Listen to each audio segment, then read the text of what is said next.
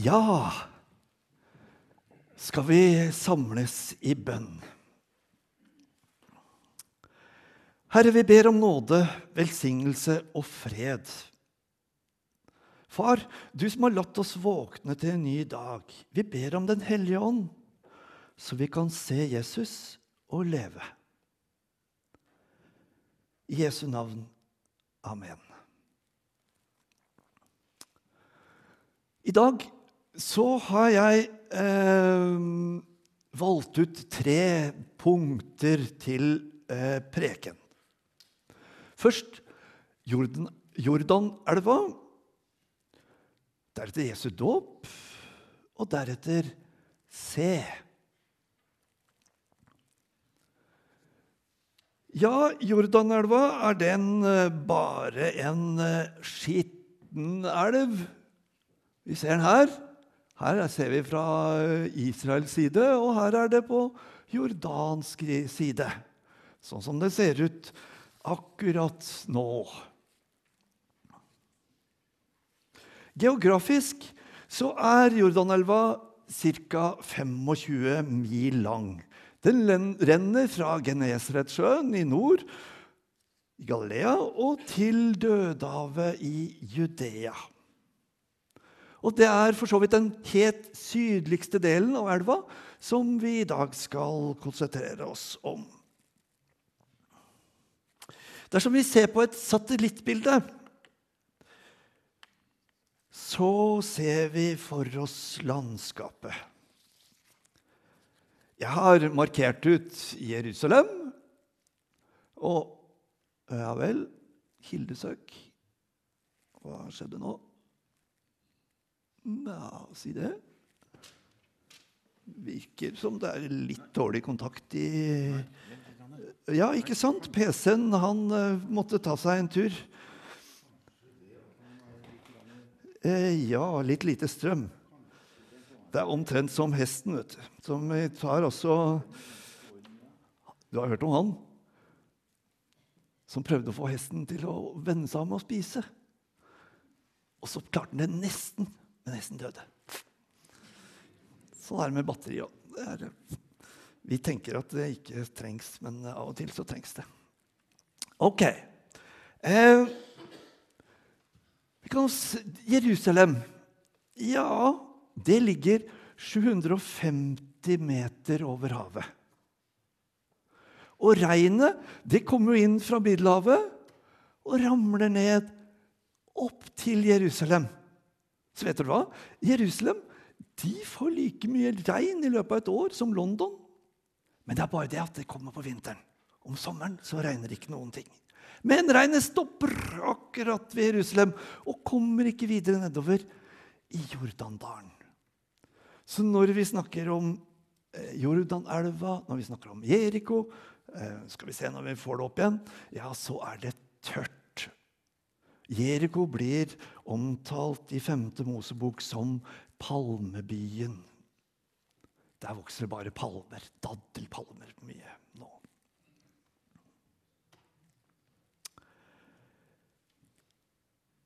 Ja, og Dødehavet, som Jordanelva renner ut i, er enda lavere enn Jeriko. Jeriko ligger på 260 meter under havoverflata. Det er verdens lavest liggende by.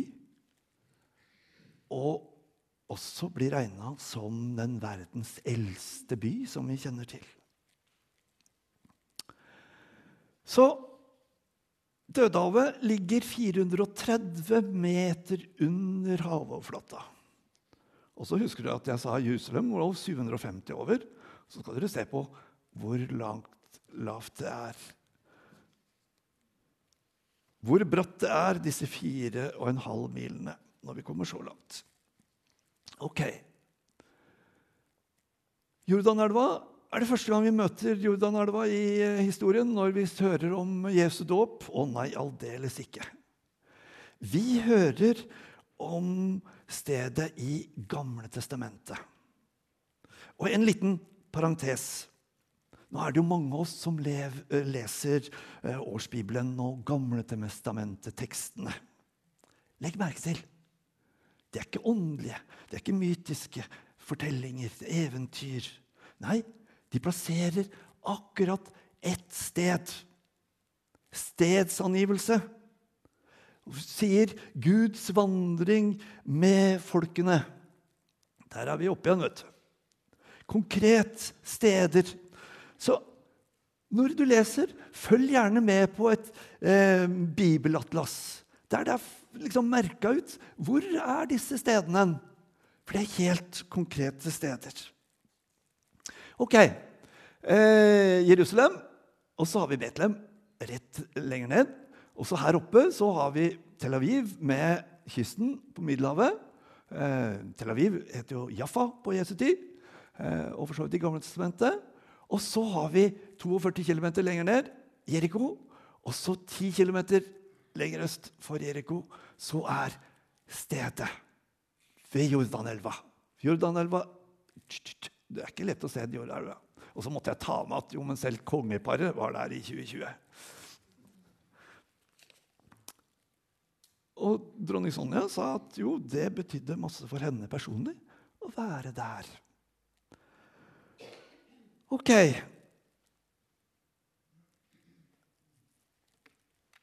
Så vi møter Jordanelva. Israelfolket hadde vandra 40 år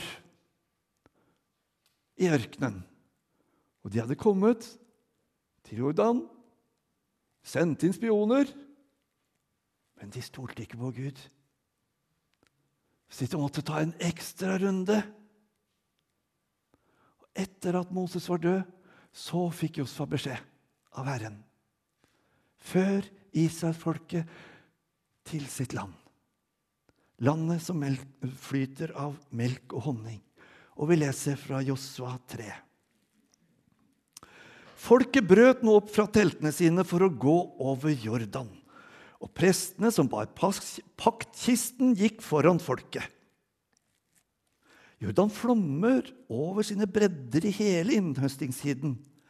Men da prestene som bar kisten, kom fram til Jordan, og føttene deres brøt vannflaten, stanset vannet som strømmet til ovenfra, og reiste seg som en vold langt oppe ved Adam, den byen som ligger i nærheten av Saretat.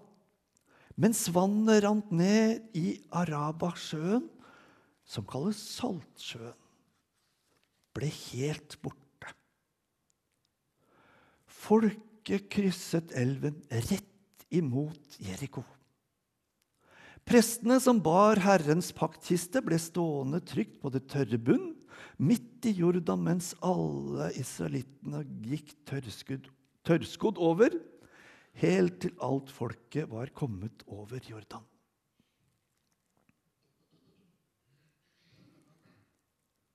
Jordanelva, det laveste sted på jord, der kryssa de grensa. Jeg tror det aldeles ikke var tilfeldig. Der gikk de inn i det lovede land med melk og honning. Og Døperen Johannes dro ut i mødemarken, og hvor er det Johannes slår seg til hen? Han visste naturligvis om stedet. For er det noe israeltene og jødene er veldig bevisst på, så ja, dette skjedde da, dette skjedde da, dette skjedde der. Ikke sant? Så han visste om stedet. Og valgte seg nettopp det samme stedet for sin omvendelsesdåp. Folket kom fra alle kanter, for det står at mange folk oppsøkte Johannes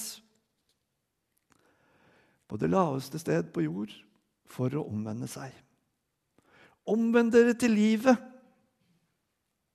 Og I dag så hadde jeg lyst til å minne oss om dette stedet. Gud er i det laveste. Så om du har kommet til kirken i dag og kjenner deg på bånd, Så vite at Gud er der. Gud forteller om at det laveste stedet, det kan bli stedet for en ny start. Det kan bli starten på å gå inn i det lovede land. På nytt igjen og på nytt igjen. Så en dag så kommer en mann gående. Og vi leser fra dagens evangelietekst i Matteus 3. Vi har jo fått så flott bibel at vi må hente og lese fra Bibelen på alteret. Da kom Jesus fra Galilea til Johannes ved Jordan for å bli døpt av ham. Men Johannes ville hindre ham med å sa, 'Jeg trenger å bli døpt av deg, og så kommer du til meg.' Jesus svarte, 'La det nå skje.' Dette må vi gjøre for å oppfylle all rettferdighet. Da lot Johannes det skje. Da Jesus var blitt døpt, steg han straks opp av vannet. Og se, himmelen åpnet seg, og han så Guds ånd komme nedover seg som en due. Og det, en, og det lød en røst fra himmelen. Dette er min sønn, den elskede. I ham har jeg min glede. Amen.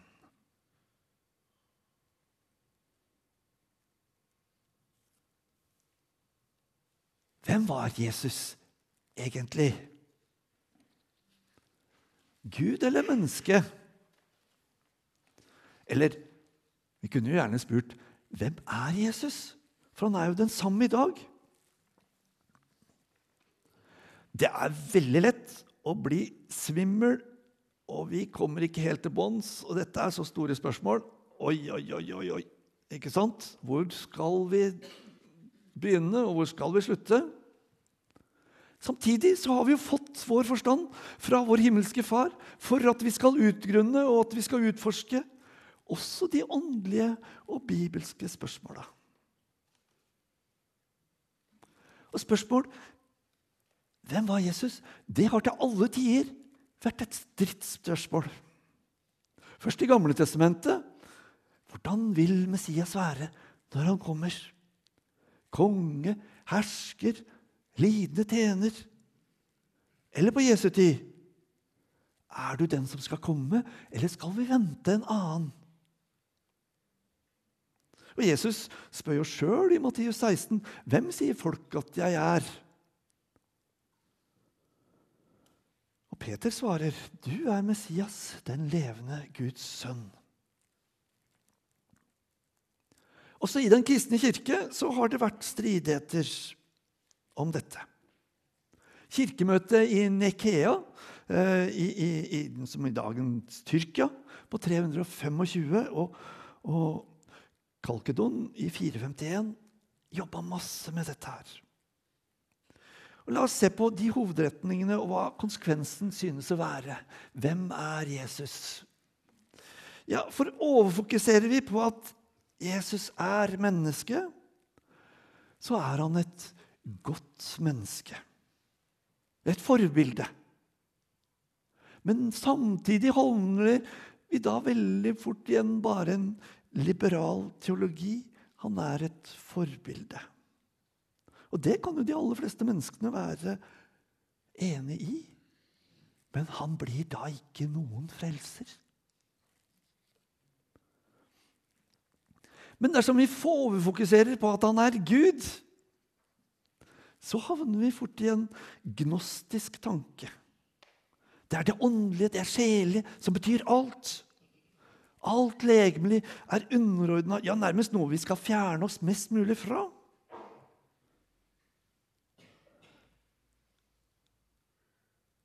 I en sånn tanke så sier vi at ja, men Jesus var Gud. Han bare så ut som menneske. Men det er egentlig bare Gud. Men hva med inkarnasjonen da? At Gud ble menneske? Overfokuserer vi på at Jesus bare er Gud, ja, så blir Jesus som forbilde. Bibelen sier at Jesus var prøvet i alt, dog uten synd. Da kunne ikke Jesus etter, etter fotvaskinga si Se hva jeg har gjort. Som menneske, som mann, som deres mester. Dere også elsker, skylder å gjøre det samme og elske hverandre.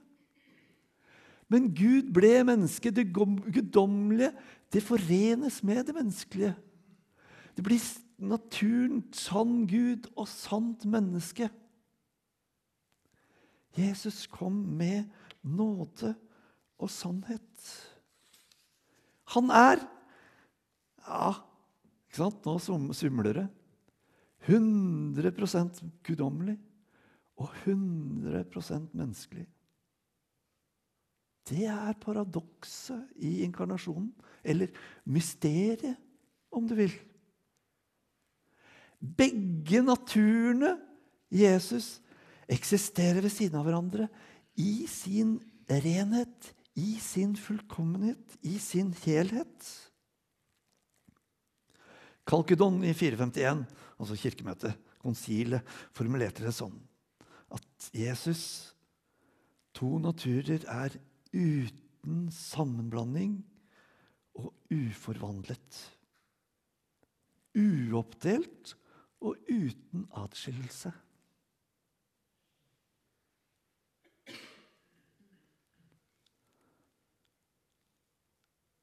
Og hvorfor er det viktig?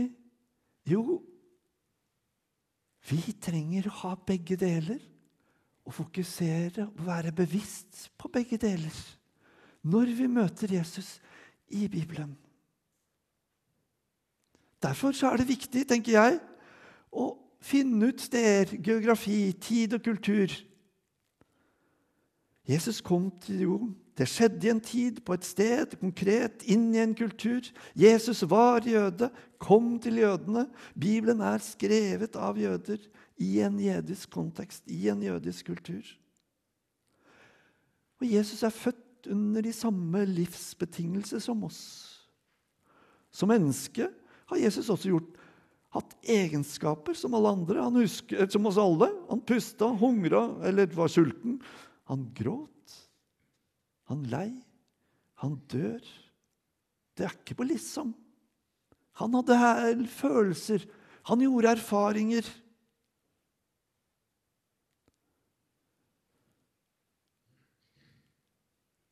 Og som 100% menneske så var Jesus ikke allvitende. Altså, han hadde begrensninger. Og kanskje det var som en modning. Ikke sant? Under barndomsfortellingene så sier at han vokste opp i alder og visdom. Så kanskje når vi møter Jesu dåp i dag, skal jeg komme litt tilbake til Ja, så gjorde Jesus en menneskelig erfaring. Jesus kommer til Johannes for å bli døpt, som en lydighetsgjerning. Men Johannes, han protesterer. Dette blir ikke rett, sier Johannes. Johannes som hadde fått bud og oppgave om å være veirydder. Men åssen veirydder var Johannes skulle være? Jo, han skulle si, 'Omvend dere, for Guds rike er nær.' Omvend dere og gjør dere beredt til at Jesus kommer. Og Så kommer Jesus til han. Og så sier Johannes, som også var et fallmenneske, 'Jo, men jeg trenger å bli døpt av deg.' Og så kommer du til meg. Også Johannes trang en omvendelsesdåp, en ny start. Men hva sier Jesus? La det skje. Det må gå i oppfyllelse for at vi skal oppfylle all rettferdighet. Og med rettferdighet her så må det være en innledning Jesus forbereder, og en innvielse til sin gjerning. Til sin frelsesvei. En ny inngang, en ny start. Inn i Jordanelva på det laveste for å gå inn i den offentlige gjerning som han nå skulle i gang med. Før dette så har Jesus hatt ikke noen disipler, ikke noen offentlig gjerning i det hele tatt. Det er nå det starter. Og I Gamle Testamentet så blir ofte rettferdighet brukt synonymt med frelse. Og da Jesus var døpt, steg han straks opp av vannet. Og se, himmelen åpnet seg, og han så Guds ånd komme nedover seg som en due.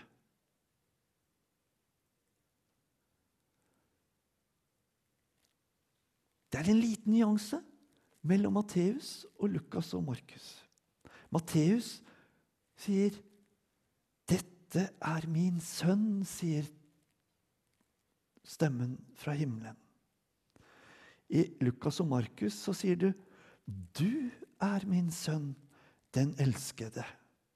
I deg har jeg min glede. Jesus, både Gud og mann, får høre teksten 'Du er'.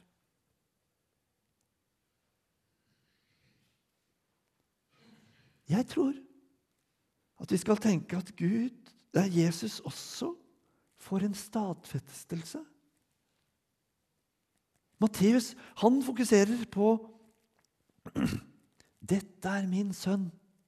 Og som ellers Matteus evangeliet er jo veldig opptatt av at Sånn som vi leste fra, fra Apollos i, i Apostlenes gjerninger. Bevise at Jesus er Messias legger Matteus veldig vekt på. Oppfyllelsen av profetiene. Og så si betoner at jo, løsten fra himmelen er til de som står rundt, til oss. Jesus er Messias. Jesus kom som oppfyllelse av profetien. Mens kanskje Lukas og Markus betegner at dette også skjedde for Jesus som en stadfestelse, som en menneskelig erfaring til Jesus som menneske. Nå innvies du, Jesus, til din gjerning. Jesus har vært lydig og sagt at jo, jeg går inn i dåpen, selv om jeg ikke trenger det. Jeg identifiserer meg med menneskene, oss mennesker, som trenger Jesu frelse. Vi som trenger at Jesus går i lidelsesveien. Vi som trenger at Jesus identifiserer seg og tar på seg vår synd. Og Dermed så blir dåpen en erkjennelse og at Guds røst åpenbares og oppfyller Jesaja 42, 42,1. Se min tjener som jeg støtter, min utvalgte, i han har jeg min glede. Jeg har lagt min ånd på han. Han skal føre retten ut til folkeslagene. Ved Jesu dåp så er treenigheten til stede. Faderen forkynner fra himmelen hvem Sønnen er. Faderen lar Den hellige ånd stige nedover ham som en due. Ja, Faderen selv er røsten fra himmelen. Og Også for Johannes så er dette en sjelsettende opplevelse. For i Johannes evangeliet så sier jo døperen Johannes Jeg så ånden dale ned fra himmelen som en due og den ble værende over ham. Jeg kjente han ikke, men han som sendte meg ut for å døpe med vann, sa til meg:" Han du ser ånden dale nedover og bli hos, han er det som døper med Den hellige ånd. Så sier Johannes, døperen Johannes videre. Jeg har sett det, og jeg har vitnet. Han, altså Jesus, er Guds sønn. For Johannes, denne dagen, når Jesus blir døpt, blir helt overbevist. Jesus er Guds sønn. Gud 100% Gud i 100% menneske. Og så var det det tredje poenget. Som skal komme litt ned på jorden igjen, da. Johannes, han så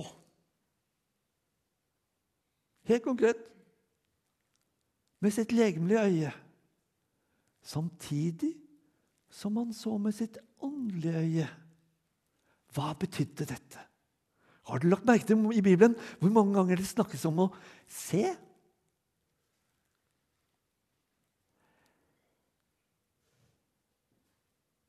Også vi som er døpt i Faderen, Sønnen og Den hellige ånds navn.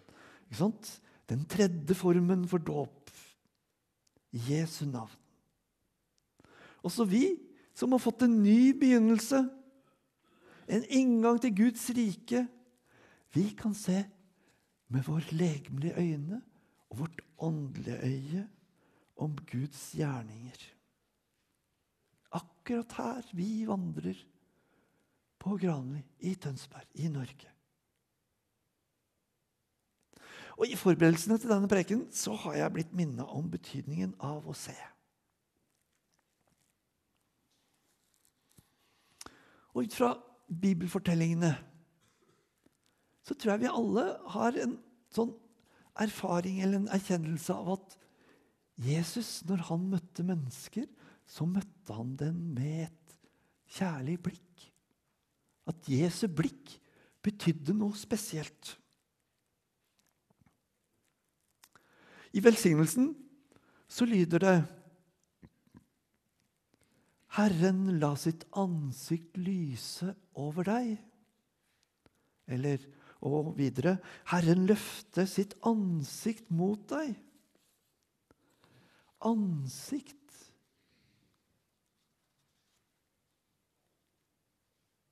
Vil ikke det være blikk? Kan vi ikke tenke at i velsignelsen så vender Gud sitt ansikt mot oss og ser på oss? Peder Haldorf han sier at troen sitter i øyet. Altså våre blikk i møte med andre. Troen sitter ikke i viljen, sier han. Ikke i følelsene. Ikke i rette tanker eller rette meninger.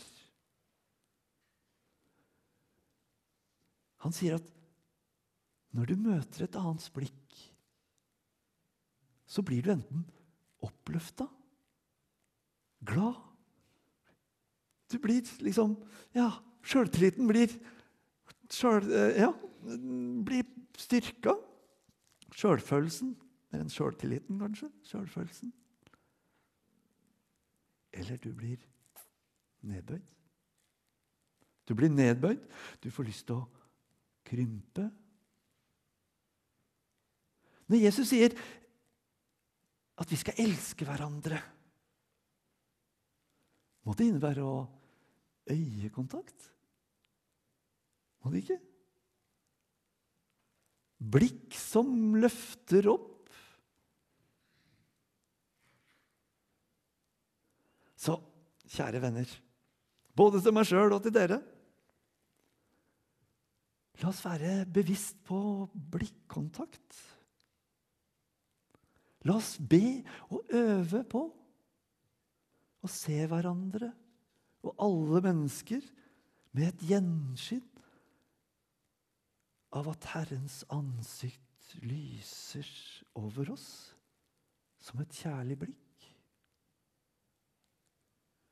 Få blikkontakt, bekreft de du møter, og la dem bli oppløfta.